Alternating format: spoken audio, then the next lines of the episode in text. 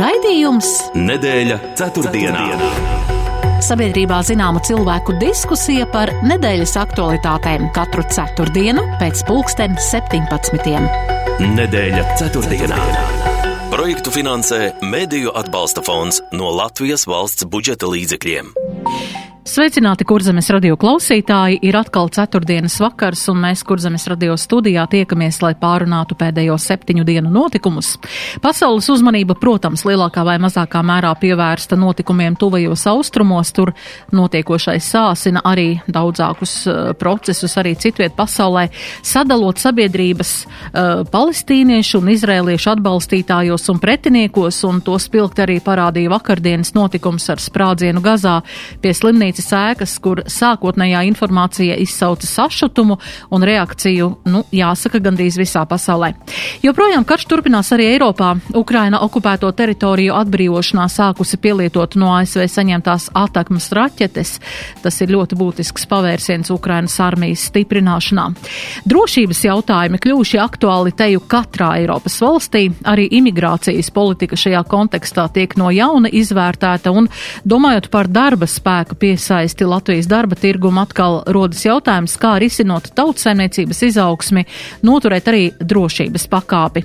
Šajā nedēļā vides aizsardzības un reģionālās attīstības ministrija nākusi klajā ar ziņojumu valdībai, kā mazināt reģionālās atšķirības Latvijā, izmantojot teritoriālo pieeju attīstības veicināšanai.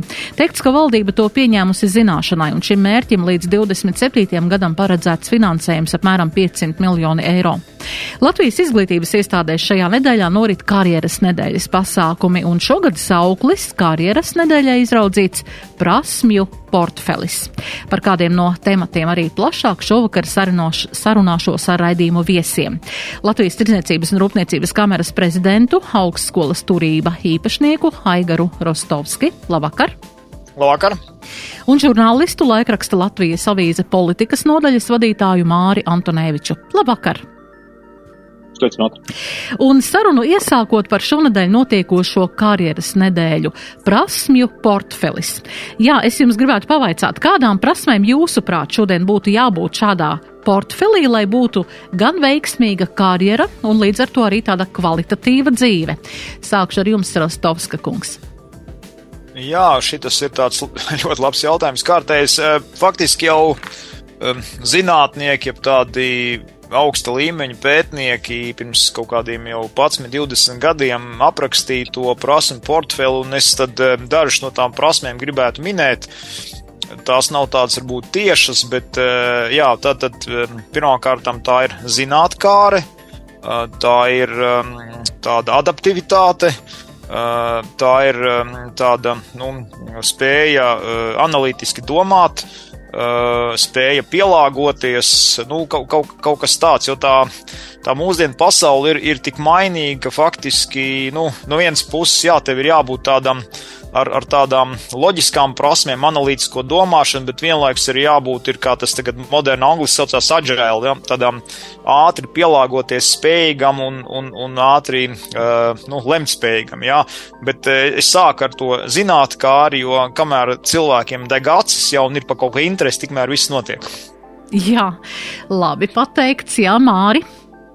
Kā jums šķiet? Es Es gribētu izmantot iespēju vērst uzmanību, piemēram, protams, runāt par dažādām jaunām prasmēm, kas nāk mūsdienās klāt un, un, un papildina esošās, bet nu, mums ir um, zināmi trauksmes zvani arī ieskanējušies par tām pamatprasmēm. Un, piemēram, arī Latvijas avīzē nesen bija publicēts īpaši tāds Ljubljanas manifests, ko Frankfurtas grāmatu tirgus nu, tādi lielākie, vērienīgākie dalībnieki bija parakstījuši, kuri vērs uz uzmanību to, ka daudzās valstīs, arī ieskaitot Latviju, par ko jau mēs arī esam runājuši, e, ļoti krītas lasīt prasme un lasīt prasme, nu, kas, kas tiek uztverts kā kaut kāds pats pamats, e, ka tas patiesībā pasliktinās šī situācija.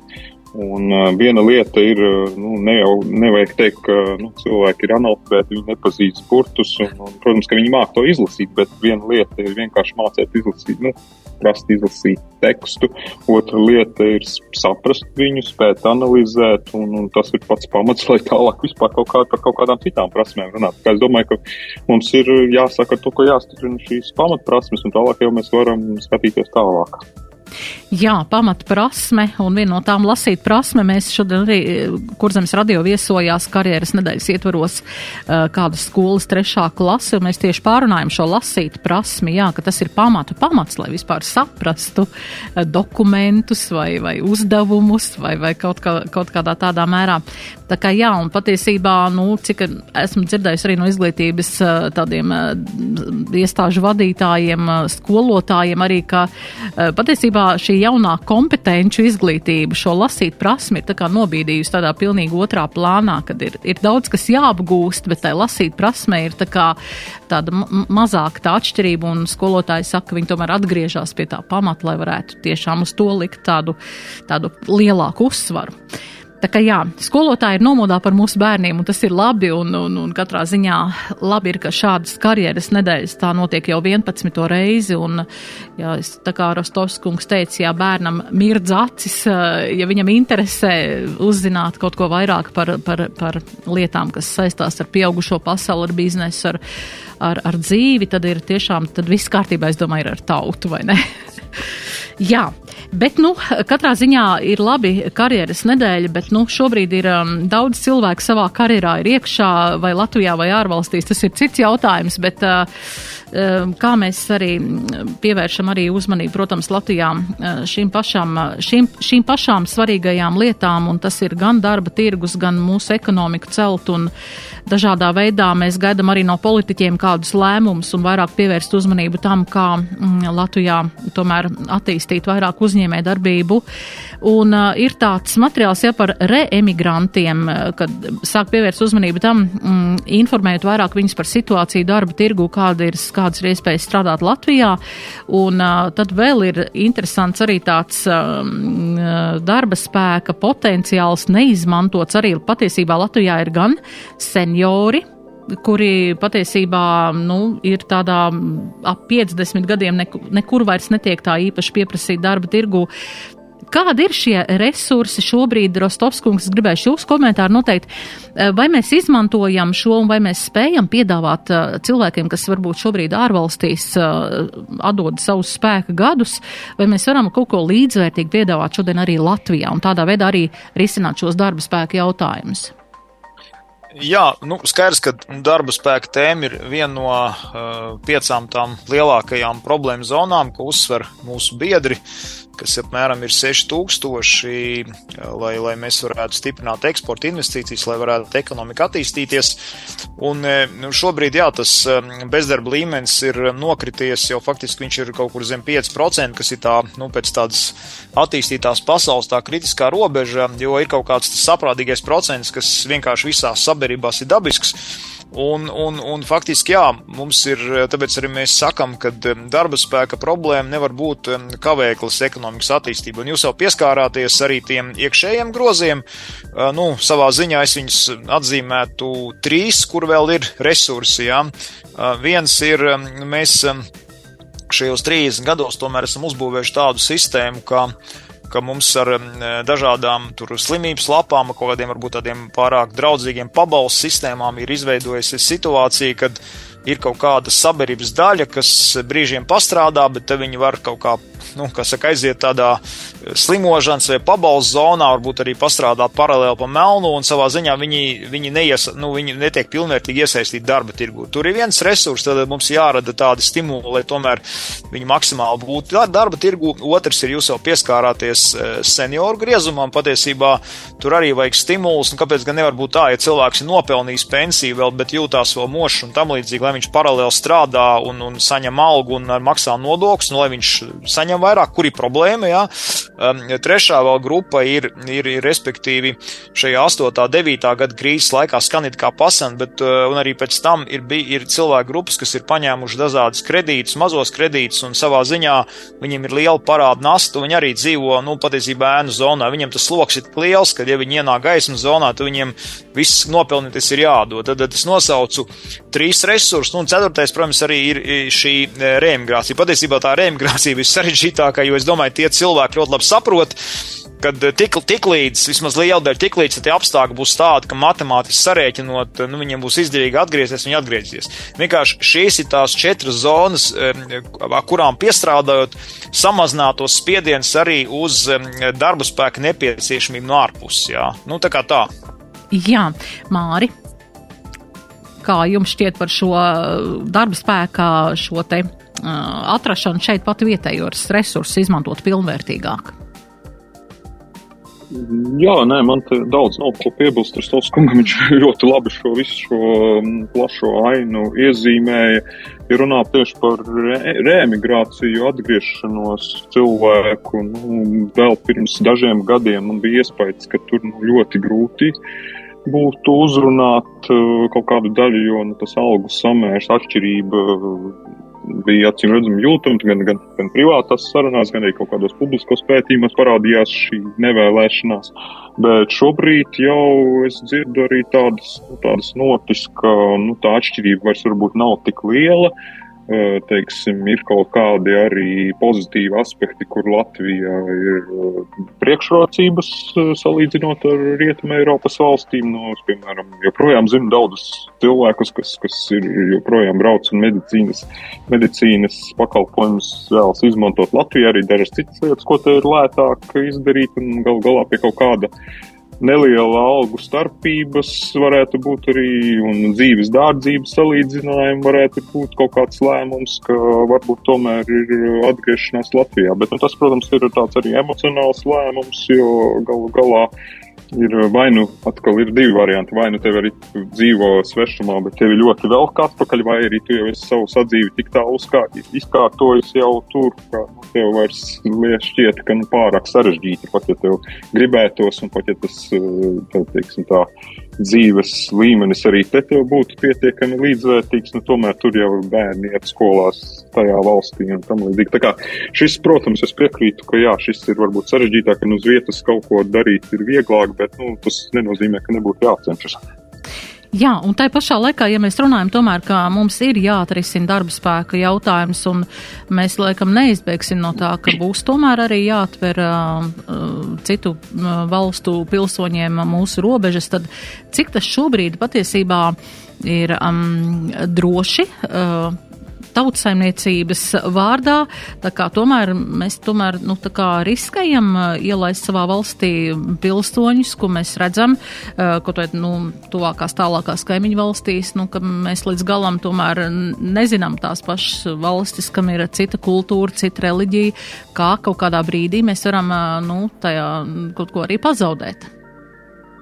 Nu, jā, nu, te ir jārunā vienlaikus gan pa iekšējo, gan pārējo drošību. Jau tie ir savā ziņā savienotie trauki. Es tikko paskatījos, nu, arī vēl tajā iepriekšējā jautājuma kontekstā Latvijas tas ekonomikas parametrs ir eh, nu, tas saucamais IKP uz iedzīvotājiem. Tā tā salīdzino, salīdzinošā pirktspēja, tā var teikt, ir 77% pret, eh, pret Eiropas vidējo. Mums kaimiņu lietuvieši Igauni priekšā, viņiem tur ap 90%. Te ir tas stāsts, ka, kā jau kolēģis Māris teica, ja mēs vēl to ekonomiku pavilksim uz augšu, tad, tad daudz arī, kas ir mūsē izbraukuši tautieši, viņi aiz, aizvien vairāk apsvērs atgriezties.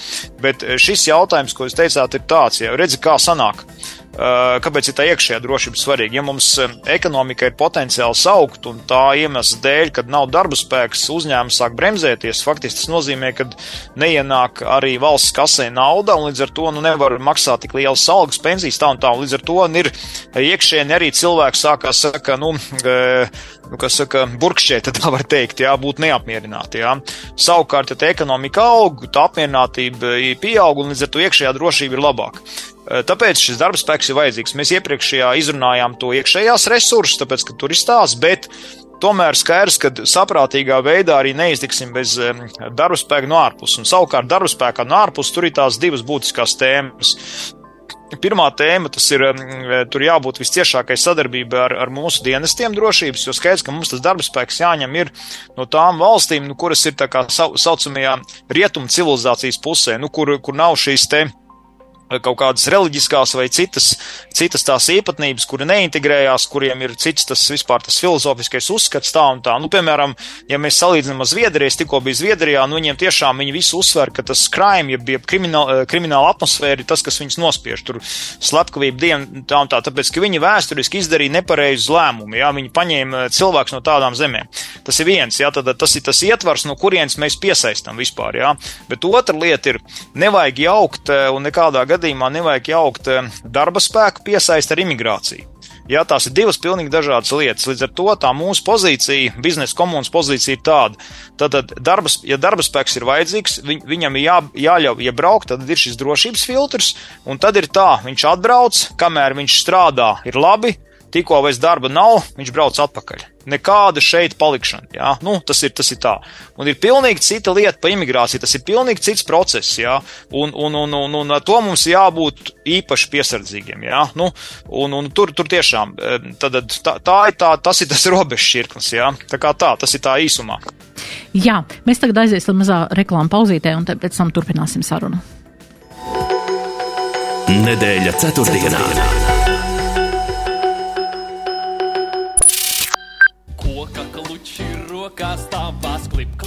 Tuk, tuk, tuk, te es, Uku. Un es, Lēle. Mēs šoruden aicinām tevi uz mūsu jauno koncertu. No 22. oktobra līdz 20. novembrim tiksimies Tukumā, Mārupē, Jūrmalā, Ādažos, Siguldā un Rīgā. Ulala! Mēs ar dieziņu tevi gaidīsim! Biļetes meklē biļešu paradīzē!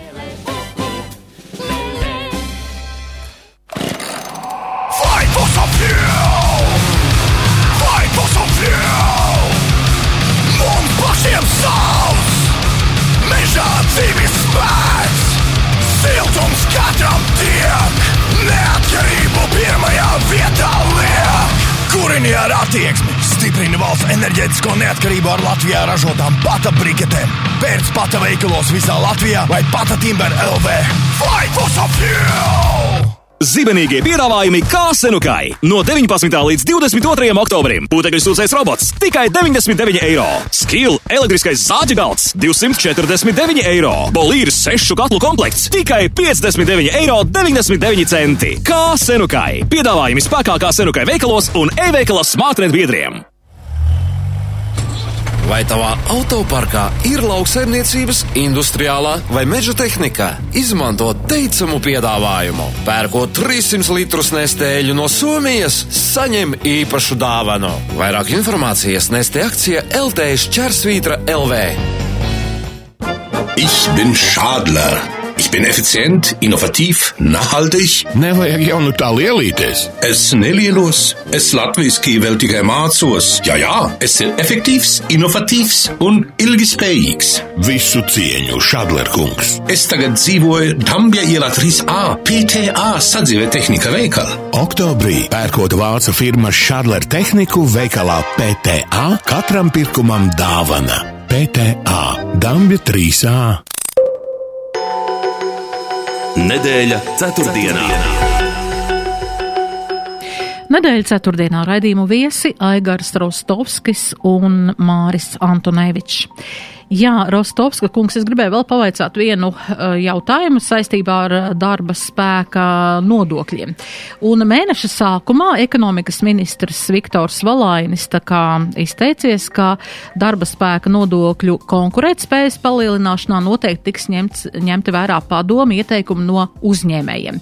Un šeit nu gan man gribās precizēt, vai tas notiek šīs sarunas ar uzņēmējiem un uh, vai ir gaidāms nu, tāds um, nu, darba spēka nodokļu samazinājums vai katrā ziņā eh, kaut kāda sloga eh, izmaiņas, lai, lai būtu nu, kon konkurēt spējīgāk šie nodokļi? Jā, nu šobrīd notiek intensīvas diskusijas eh, ar Valāņu kungu. Mēs esam vairākas reizes tikušies. Šodien patiesībā mums bija tikšanās arī ar Ašrādienu kungu. Un, nu, tā situācija nav vienkārša. Protams, ka mēs no, no, no biznesa komunas puses runājam gan par darba spēku nodokļu konkurences spēju, gan par mazā biznesa daudz tādu pievilcīgāku regulējumu, gan arī par to, ka jāsaglabā šis te uzņēmuma ienākuma nodoklis, respektīvi reinvestētās peļņas neaplikšana ar nodokli. Ašrādina kungs signalizēja, ka, protams, ka ir jaunā koalīcija tagad, un, un to arī progresīvie teikuši, ka viņi redz tādu kreisāku politiku. Tā kā tur būs vēl sarunu process starp nu, politisko šo te koalīciju, un viņiem ir savā starpā jāizdiskutē. Viņam arī tā viedokļa atšķirās, nu, un, un tad arī paralēli sarunas gan ar biznesu, gan ar arotbiedrībām. Tas ir tādā intensīvā saruna procesā šobrīd bet process notiek. Un, process notiek, jā, process notiek svarīgi. Intensīvi. Mm -hmm, jā, paldies.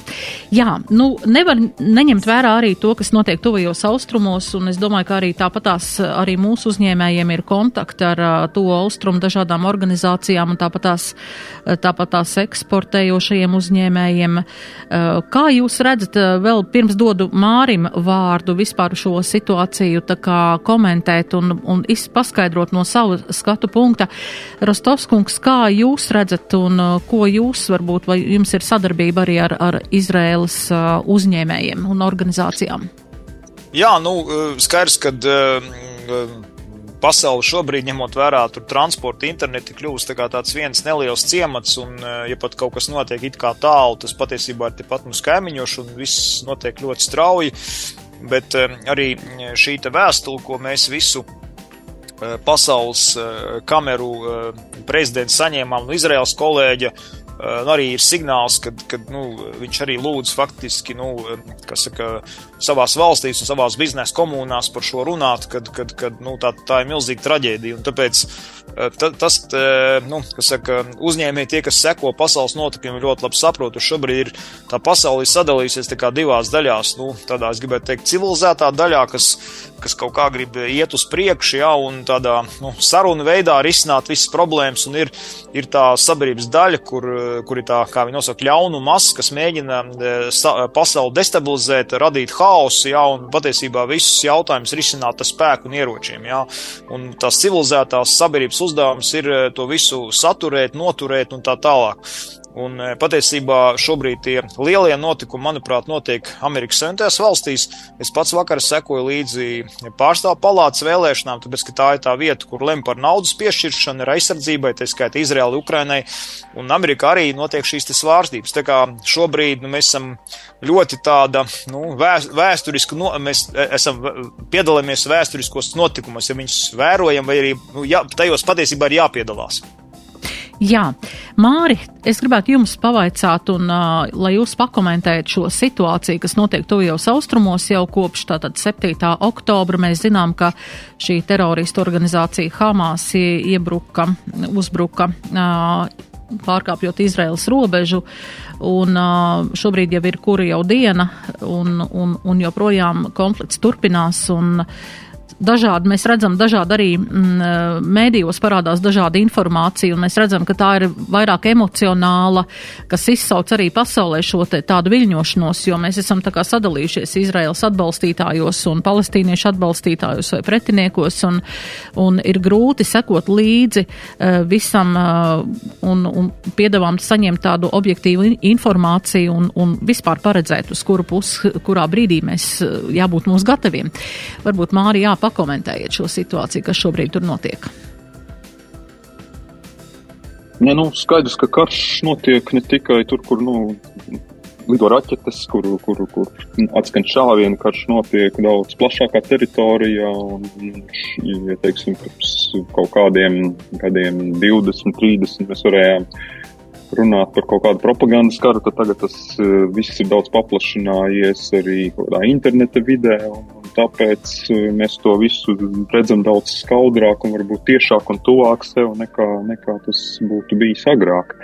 Bet tas, ko tieši par šo Izraēlas, Palestīnas daļai no arābu pasaules, e, nu, šajā gadījumā tas, tas koncentrējas uz, uz tieši šo gazas joslu, šiem notikumiem, tad tur, e, nu, teiksim, tas 7. oktobra tie, tas uzbrukums, tas tiešām, es saprotu, arī no visiem komentāriem, arī no Izraēlas pēcdienas, arī no visiem vērotājiem, nu, tas bija liels pārsteigums. Tur var runāt par Izraēlas pēcdienas kaut kādām kļūdām, par varbūt sabiedrības tādu atslābumu, kas bija iestājies. Nu, pēdējie kari tādi lielāki bija kopš 70. gadiem, varbūt tik liela uzbrukuma Izraēla nebija piedzīvojusi un tomēr vairāk vai mazāk turēja šo savu dienas kārtību. Nevis, nevis vienkārši reaģēja šajā gadījumā. Nu, viņi ir spiesti reaģēt uz uzbrukumu sev un faktiski atbildes, šis ir tāds kā atbildes karš, aizstāvības karš. Nu, tādā, kaut, kur, kaut kur tādā varētu skatīties tādā aspektā. Un, bet tas, kas attiecas uz visu šo hibrīdu kara sastāvdaļu, ko, ko, par ko jau arī mēs sākām runāt, nu, tad tur gan viss notiek diezgan paredzami, ko mēs apmēram var, ko var iztēloties tie, kas no ilgāku laiku ir sekojuši šim konfliktam, vai detalizēti sekojuši, vai pat pavirši sekot. Nu, tā skēma ir diezgan zināma, tā kombinācija, kas tālāk sekos. Tātad Izraela piedzīvo ļoti brutālu uzbrukumu. Skaidrs, ka Izraela to bez atbildes neatstās. Un uh, atbilde, kas var būt, tas var būt pretuzbrukums. Pretuzbrukums tādā vietā kā Gaza, kur ir diezgan blīvi apdzīvota, kur viss ir veidots tā, lai nu, faktiski šo uzbrukumu nevarētu īstenot, lai tur nebūtu kaut kādu blakus postījumu, civiliedzīvotāju upuru skaidrs, ka kaut kādā brīdī vēl būs, lai gan pagaidām vēl nav sākusies tā sauszemes operācija, par ko daudz tiek runāts, bet nu, tomēr ir raķešu triecieni un tam līdzīgi. Tas tālāk izsauc reakciju zināmās aprindās tas ir pirmkārt kaut kāds arābu kopienas, eh, kuri rīko dažādās Eiropas valstīs, rietumu valstīs akcijas. Tas izsauc kaut kādās kreisi liberālajās aprindās, kuras tradicionāli ir kritizējušas Izraēlu par pārāk nepieņemamu attieksmi viņu prāt pret palestīniešiem. Un tālāk tas seko kaut kādā veidā parādās arī mēdīju atspoguļojumā dienas kārtība pārmetuma kritika Izrēlai. Un tagad jau viss sāk izskatīties pēc tā, ka nu, tas patiesībā arī bija Hamas plāns. Mēs rīkojamies maksimāli nežēlīgi. Pirmajā brīdī mēs varbūt saņemam nosodījumu, bet tālāk viss nosodījums vēlām pāriet uz Izraēlu virzienā. Un šo brīdi, jā, jau, jau tiek laista dezinformācija darbā un jau, jau diezgan aktīvi jau šis svaru kauss, kas sākumā bija tā kā līdzjūtība Izrēlai, jau pateicoties lielām aktivitātēm, jau ir tā kā nosliecas, ja ne kaut kur līdzvērtīgi. Mums tad jau zūd signāls kādā brīdī. Tā, ka Izraela ir vainīga. Mm. Diemžēl šis um, agresoriem, šis plāns šajā gadījumā Hamas kā agresori, kā teroristi, kas ir sākuši šo uzbrukumu, diemžēl viss pagaidām izskatās, ka iet pēc viņu plāna. Un tas ir ļoti nepatīkami. Jā, nu patiesībā es to redzu tieši tāpatās, kā sākās Krievija, kā iebruka Ukrainā, tieši tāpat sākot ar kādiem 14. gadā ar, ar, ar nenosakāma, tā kā, um, nu, kā var teikt, zaļie vīriņi saucamie, jā, sāka kaut kādas aktivitātes, un tas ir līdz, līdz šim brīdim, 23. gadā, ka karš iet pilnā sparā, un patiesībā Krievija joprojām ārpusē kaut kur runā, ka viņi šo karu vispār nav uzsākuši, un ka tas vispār nav karš, apmēram tā. Tā kā tas ir tāds, es domāju, tāds tiešām. Mm, kā to var nosaukt, es pat nezinu, bet tāda tendence kaut kāda parādījusies, ka nu, mēs varam atļauties daudz ko, ja mums ir ieroči, vai ne? Jautājums vēl ir par to, vai Hamas kā teroristiska organizācija darbojas pilnībā uz savu galvu, vai tās vēl stāv kādi varbūt lielāki spēki. Mēs ar aizdomām skatāmies uz, uz Arābu pasauli, arī uz Irānu. Uh, arī tālāk attiecīgi uz Krieviju, kas ir Irānas sabiedrotais, un ja tas ir kaut kāds plašāk, plašāks plāns, tad tas, protams, ir vēl lielāks satricinājums pasaulē, jo tas var turpināties kaut kādā vēl formā, kuru mēs līdz šim pat nevaram iedomāties. Tā kā tie visi, protams, ir jautājumi, un tas tāds trauksmaiņas, nemierīgs laiks. Piekrītu, jā, ka papildus satricinājums jau Ukrainas karam, kur mēs joprojām neredzam pagaidām šo iznākumu, ka šis ir vēl viens satricinājums, kas, kas nu, diemžēl padara dzīvi sarežģītāku. Jā, mēs aiziesim mazā reklāmas pauzītē, un tad mm, pabeigsim vēl par to, ko ir teicis mūsu ārlietu ministrs. Ne, bet aizsardzības ministrs atvainojas sabiedrībā zināmu cilvēku diskusija par nedēļas aktualitātēm. Nedēļa ceturtdienā. ceturtdienā. šogad būs silta vai augsta ziema? Nu, tas no katra paša atkarīgs. Tu ko? Laika apstākļus mainīt, esi iemācījies. Nē, bet uz depo gan māku aizbraukt. Tur gan apkuras granulām, gan briketēm zemas cenas katru dienu.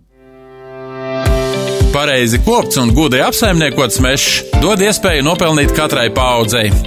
Meža saimniecības uzņēmums Kuršu mežs sniedz konsultācijas pareizes meža apsaimniekošanas jautājumos, pērk augošu koku cirsmas un meža zemes.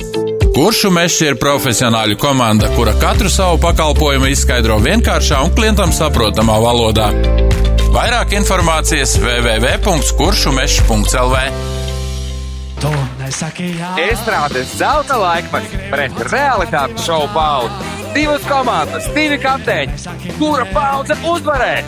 Grandiozais 360 TV mūzikas lielšovs Paudžu duelis apvieno paudzes kopīgā dziesmā no 20. oktobra katru piekdienu pusdeviņos vakarā 360 TV. Nevar vairs tā, bez šova vilties garumā. Čā, čā, čā! Akciju sabiedrības Delta LV servisa centrā Saldū veids Volvo un citu kravas auto diagnostiku, remontu un apkopi. Uztici savu auto Delta LV pieredzējušiem meistariem un dodies ceļā bez raizēm. Delta LV servisa centrs Saldū, Kuldīgas ielā 69C. Vairāk informācijas zvanot 29 471 711. Ieskaties arī www.deltalv.lv. Uzmini, kurā vietā mēs būtu basketbola čempionātā, ja laukumā spēlētu iesācēji.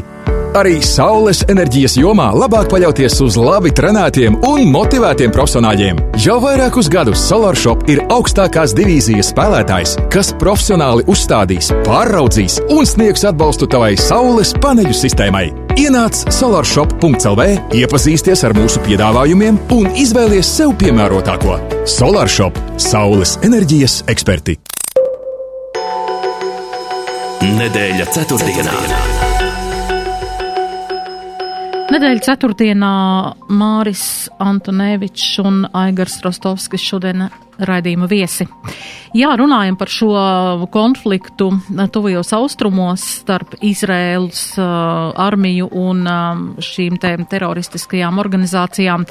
Un mūsu ārlie aizsardzības ministrs Sandris Sprūts ir izteicies, ka pastāv tomēr bīstamība, ka šis konflikts var kļūt plašāks, iesaistoties arī citām valstīm. Un mēs jau redzam, ka gan no Libānas puses šis te Hizbollah un, un, un ir šīs organizācijas, kas savā starpā sadarbojās it kā neiesaistoties tiešā veidā valstīm, kas patiesībā varētu būt aiz šīm organizācijām, bet nu, tomēr agrāk vai vēlāk ar to vajadzētu rēķināties. Kā jūs komentētu jā, šo te aizsardzības ministra teikto un ko jūs varat pateikt jā, šādā, mm, šādā situācijā mūsu klausītājiem? Jā. Aigara Rostovskungs rūt jums. Jā, nu mēs pārtraukumā bišķi pārnājam. Es patiesībā visiem tiem, kas grib tā padziļinātāk par šīm tēmām tā kā saprast, es jau pieņemu, mums klausītāji ļoti gudri, bet varbūt kāds ir lasījis, bet uh, ir tāda grāmata civilizācijas sadursme, ko ir civilizācijas sadursme pasaules kārtības pārveidi. Un uh, ir to grāmatu uzrakstījis tāds Samuels Huntingtons, ir izdot 1996. gadā, varat iegūglēt vienkārši. Tad, To grāmatu izlasot, veidojās tāds plasā, plašāks priekšstats, jo tā mana izpratne ir tieši tāda, ka nu, faktiski šī ir civilizācijas sadursme, jo nu, rietumu civilizācija dzīvo kaut kādā savā vērtību sistēmā, vērtību modelī, kā mēs risinām jautājumus, arī kaut kādas iekšējās krīzes, bet Nu, šeit ir tā, tā robeža ar citām civilizācijām, jā, un, un arī mēs, mēs, kā Latvija, atrodamies faktiski uz šo civilizācijas robežu. Mums vienā pusē ir rietumu civilizācija, kurai mēs arī lielā mērā piederam, jā, bet mēs esam kaut kur robežu stāvoklī un pa labi tā pareizticīgo civilizācija ar visu to stāstu, jā, un līdz ar to, un kā es teicu, tā pasaule kļūst mazāka, viss ir raķetes lido tālāk, lidmašīnas lido, līdz ar to tas viss ir šobrīd ļoti tuvu. Ja, un, un patiesībā tāpēc, tāpēc ir ļoti svarīgi notikumi ASV, jo Amerika ir tas nu, lielāka ekonomika, lielākais militārais spēks. Labā ziņa, ka viņi ir mūsu gadījumā, ka viņi ir rietumu civilizācijā, bet arī Amerikā šobrīd notiek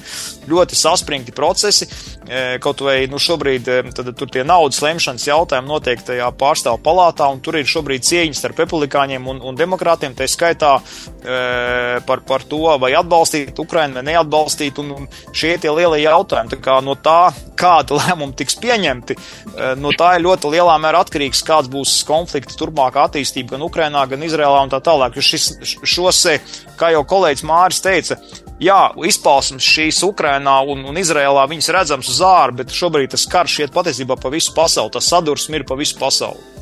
Jā, un interesants arī tas fakts, ka arī Eiropas Savienības līderi patiesībā nevar tādu saskaņotu nostāju pret notiekošo tuvajos austrumos tā kā panākt. Arī, arī tas ir fakts, un ņemot vērā arī tas, kas notiek valstīs iekšpusē, gan Vācijā, gan Zviedrijā, gan Beļģijā, Briselē konkrēti, kad ir šīs izpausmes arī šiem radikāļiem, un, un viņi tomēr arī savu vārdu pasaka tur uz vietas sabiedrībā, un arī rodās tāds uh, konflikts arī pašās pašās, pašās valstīs. Māri, kā jūs redzat šo te? Ja, ja, ja drīkst, jā, jā, jā, jā. Ne, nekaunīgi jā. burtiski divus teikumus, un šis ir, šī situācija ir izaicinājums demokrātiskām valstīm iemācīties reaģēt, reaģēt citā ātrumā, jo bieži vien nav laiks izdiskutēt un tur kaut kā, jo tās citu civilizācijas pārstāv, viņiem ir hierarhiska kārtība, viņi dod uzdevumus, tur ir tas hibrīd klāna izplānot, viņi iet uz priekšu. Un e, demokrātiskai sistēmai ir jāiemācās ļoti e, šādās situācijās mobilizēties, sastāties pareizā ierindā, lai mēs varam nu, nolikt pretī to spēku. Jo pretējā gadījumā tā otra sistēma izmanto šīs demokrātijas varbūt kaut kādus vājumus vai tādu ilgu procesu, jā, un, un, un e, nu, ar kaut kādu agresīvu, strauju rīcību pārsteidz. Tas pats Izraels piemērs parāda, ka viņi savā ziņā pārsteidz, ja nesagatavo. Tāpēc mums ir jāņem vērā šī pieredze, mums ir kaut kā ar iekšienē jāpārkārtojas, lai mūsu, mēs esam gatavi likt pretī arī nu, savus rīkus. Jā, Māri, pakomentējot arī jūs šo. Jā, nu, tur mēs Samuels Huntingtons ļoti populāri. Man arī ļoti patīk šīs teorijas, nu, tā pārdomāt un dažādi gan politikas, politikas zinātnē un, un politologu aprindās arī ļoti daudz kritizēt teoriju, tur ir ļoti daudz tiek vājie, vājie punkti minēti, un arī tas, ka kopumā tas viss skatījums pārāk varbūt vienkāršots, tāds populārs, bet nevis tāds, nu, kas viņš mēģinājis plašām masām šo pasniegt, bet te mēs arī nonākam pie tāda neliela jautājuma par Eiropas valstu reakciju. Uh, jo Eiropas valsts tas ir kas tie ir politiķi. Politiķi pārsvarā skatās uz savu elektorātu, skatās uz savu sabiedrību, kāda tā ir, kādu reakciju tā izsauks. Un, diemžēl tas, ko mēs redzam arī šo Eiropas valsts sabiedrībās, uh, tātad viņi nevar neņemt vērā arī tos, to viļņošanos, kas notiek, arī pārāk ieņemt konkrētu pozīciju. Tas nozīmē, viņi jau pilsētās jau šobrīd ir tātad uh, šie protesti un, un saslēdzot šo ar iepriekšējo jautājumu, kur bija, nu, bija darba spēks, bija imigrācija, kas nav viens un tas pats, jā, nav, bet šo robežu nevienmēr tik skaidri var novilkt, un galu galā kādreiz šī imigrācija notikusi arī Eiropas valstīs tieši ar domu, ka tas uh, paplašinās darba spēka tirgu un, un tas dos visādus labumus, bet nu, galu galā mēs redzam pie tā, ka šīs civilizācijas jau vairs nav tās robežas tik izteiktas, kā raksta Huntingtons. Jau mēs katrā šajā Eiropas valstī, katrā šajā pilsētā redzam iekšā. Vienā civilizācijā ir otra cita civilizācija, kas iet ielās un atklāti 7. oktobrī vēl nekāda atbilde no Izraels puses nebija. Tur atklāti tika veiktas ebreju slepkavības, Izraels pilsoņu slepkavības tika notika nu, līksmības svinēšana, nevis kaut kādi protesti. Protesti sākās tagad, jā, kad Izraela kaut ko atbild. Tagad, tagad ir protesti. Tobrīd tā bija vienkārši, vienkārši prieks, ka mūsējiem ir veicies. Un ko šajā brīdī var darīt Eiropas eh, politiķi, Eiropas valstu vadītāji, kuri saprot, ka nākamais solis būs nevis notikumi kaut kur Izrēlā, bet tie būs notikumi mūsu galvaspilsētā. Labi, būs kaut kādi uh, teroristi, tos, tos mēs ar spēku piespiedīsim, bet ja tās būs maskas, masas, kas vienkārši ies, nu kā Francijā bija uh, ies pa ielām un vienkārši demolēs veikalus un būs jāiesaista liela spēki. Un, un, un tad tev ne, varbūt ne līdz Izraēlas situācijai būs, tev būs jādzēš ugunsgrēks pašamājā. Tā kā, diemžēl, tas viss ir ielaists, jā, tie ir tie paši jautājumi arī par imigrāciju, arī daļai par darba spēku, jo cik mēs to varam nokontrolēt. Eiropa domāja, ka viņi varēs mierīgi integrēt šo masu, kas ierodas, varēs uh, varbūt asimilēt. Nu, izrādījās, ka tas nav tik vienkārši, ka viņi dzīve veido savas kopienas, un, ja pir, turklāt, ja pir, pirmās paudzes imigranti vēl ir diezgan lojāli tai valsti, kur viņi ieradušies, viņi tādu pateicību izrāda, tad nākamās paudzes, kā tagad rāda, ir šie nu, protests. Ir šie, kas nespēja atrast savu vietu dzīvē, un viņi tātad viņus pārņem šīs radikālās kustības, šīs radikālās kustības, radikālās idejas, arī kaut kādas alkas pēc savas vēsturiskās dzimtenes, arī mēģinājumi sasaistīt ar tiem notikumiem, kas tur notiek. Līdz ar to, protams, ja jūs jautājat par šie, šis viss aiziet tālāk par Izraēlu, ne tikai Hezbollah un kaut kādas vēl tur kustības, kas tur var iesaistīties. Jā, tas var aiziet ļoti plaši arī kā nemierīgāka dzīve visā pasaulē. Diemžēl, jā, tieši Rietuma Eiropā, kur ir masveidā uzņēmuši šos, šos, šos migrantus no tieši no šiem reģioniem. Jā, nu patiesībā Amerika vienmēr šajos visos konfliktos un tādās uh, izpausmēs ir bijusi kā tāda pasaules policija, kur vienmēr iesaistās ar kādu, ar kādiem risinājumiem, uh, vairāk vai mazāk klātienē vai, vai ar kādiem lēmumiem vai palīdzību. Kā šobrīd šajā laikā. Mm, kam būtu, uz ko, kur būtu tā bīstamība, kādi procesi varētu būt Amerikā, ka, ka mēs redzam, ka viņi tomēr, nu, paliek tādi lojālāki arī, nu, tādi vienaldzīgāki uz to, kas notiek tajā pašā Izrēlā? nu, se, sekojot, nu, kas saka, analītiķiem, es pieņemu, ka Māris tur varbūt ir dziļāk kā es un tā, bet, nu, zin kā, tie notikumi pasaulē liek arī pašam interesēties par dažādām lietām, un faktiski tas, kas, tas, kas tiek saskatīts, kad, nu, teiksim, ASV republikāņu partijas tā saucamā radikālā daļa, ko sauc par to maga grupu, jā, America, America Great Again, ja, kad sasaistīts ar Trumpu, tādā melnā scenārijā ir tā, nu, jo gal beigās tas pats Trumps jau iepriekšējā prezidentūras laikā cilāja jautājumu, ka tāds NATO nav vajadzīgs, ka Amerikai jāstājās ārā, jā, un jā, jāpievēršās saviem jautājumiem. Tas nozīmē, ja, ja teiksim, tādā melnā scenārijā Amerika aiziet, ja viņi nokoncentrējās tikai uz iekšpolitiku, aiziet no, no tās eh, globālās līderu lomas, tad tā pārējā pasaule paliek bez šī kaut kāda nu, policista, kas šī momentā, šī gadījumā tomēr ir rietumu civilizācijas pārstāvs. Un tas nozīmē, ka pasaulē pilnībā izmainās spēku samērs. Tas nozīmē, ka savā ziņā nu, tā tās citas civilizācijas, un es piekrītu Mārim, ka no Huntingtona rakstītiem laikiem ir mainījies, kad viņas ir iespiedušas, nu, nemainās jau būtība. Tās civilizācijas ir vienkārši, viņas ir jau ir, kas saka, samiksējušās. Viņas jau dzīvo mums tepat iekšā, ja tā var teikt, jā. Un, un tas var izmainīt eh, tās, eh, tās, tā, nu, saka, tās spēku samērs. Un tajā brīdī nu, patiesībā pārējai rietumu civilizācija ir milzīgs drauds. Ja, jo, un, teiksim, ja, ja, tas, ja tas tā ļaunuma masa sāk uzbrukt spēku visur, tai pa Eiropai un tam līdzīgi, un nu, tas, tas, tas var pārvērsties haosā. Un ir tā sajūta, ka šī gadījumā arī ir arī Krievijas līderis tieši tā to haosu dzen. Un tāpēc jau tas, tas mans vēstījums ir kāds, ka rietumu civilizācija ir jāsaņemās, jā, tas mier, mierīgais laiks ir pagājis, jā, ir, kas saka, jānoskurinās, un arī, nu, diemžēl, jāsaka tā, nu, kad acīm redzot, ir, ir jāpielieto, nu, tāds, kas saka, saprātīgs spēks. Jā.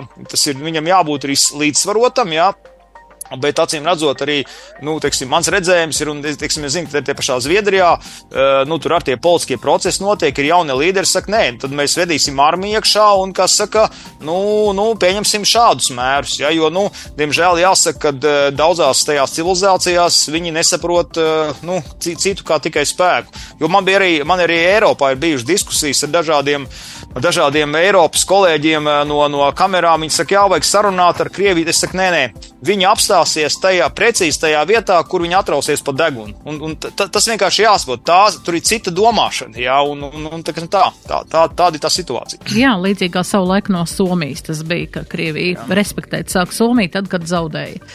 Jā, Māri, vai ir kaut kas piebilstams, jo mums jā, ir daudz, jā, dažas jā, minūtītes par... un jābeidz redzījums.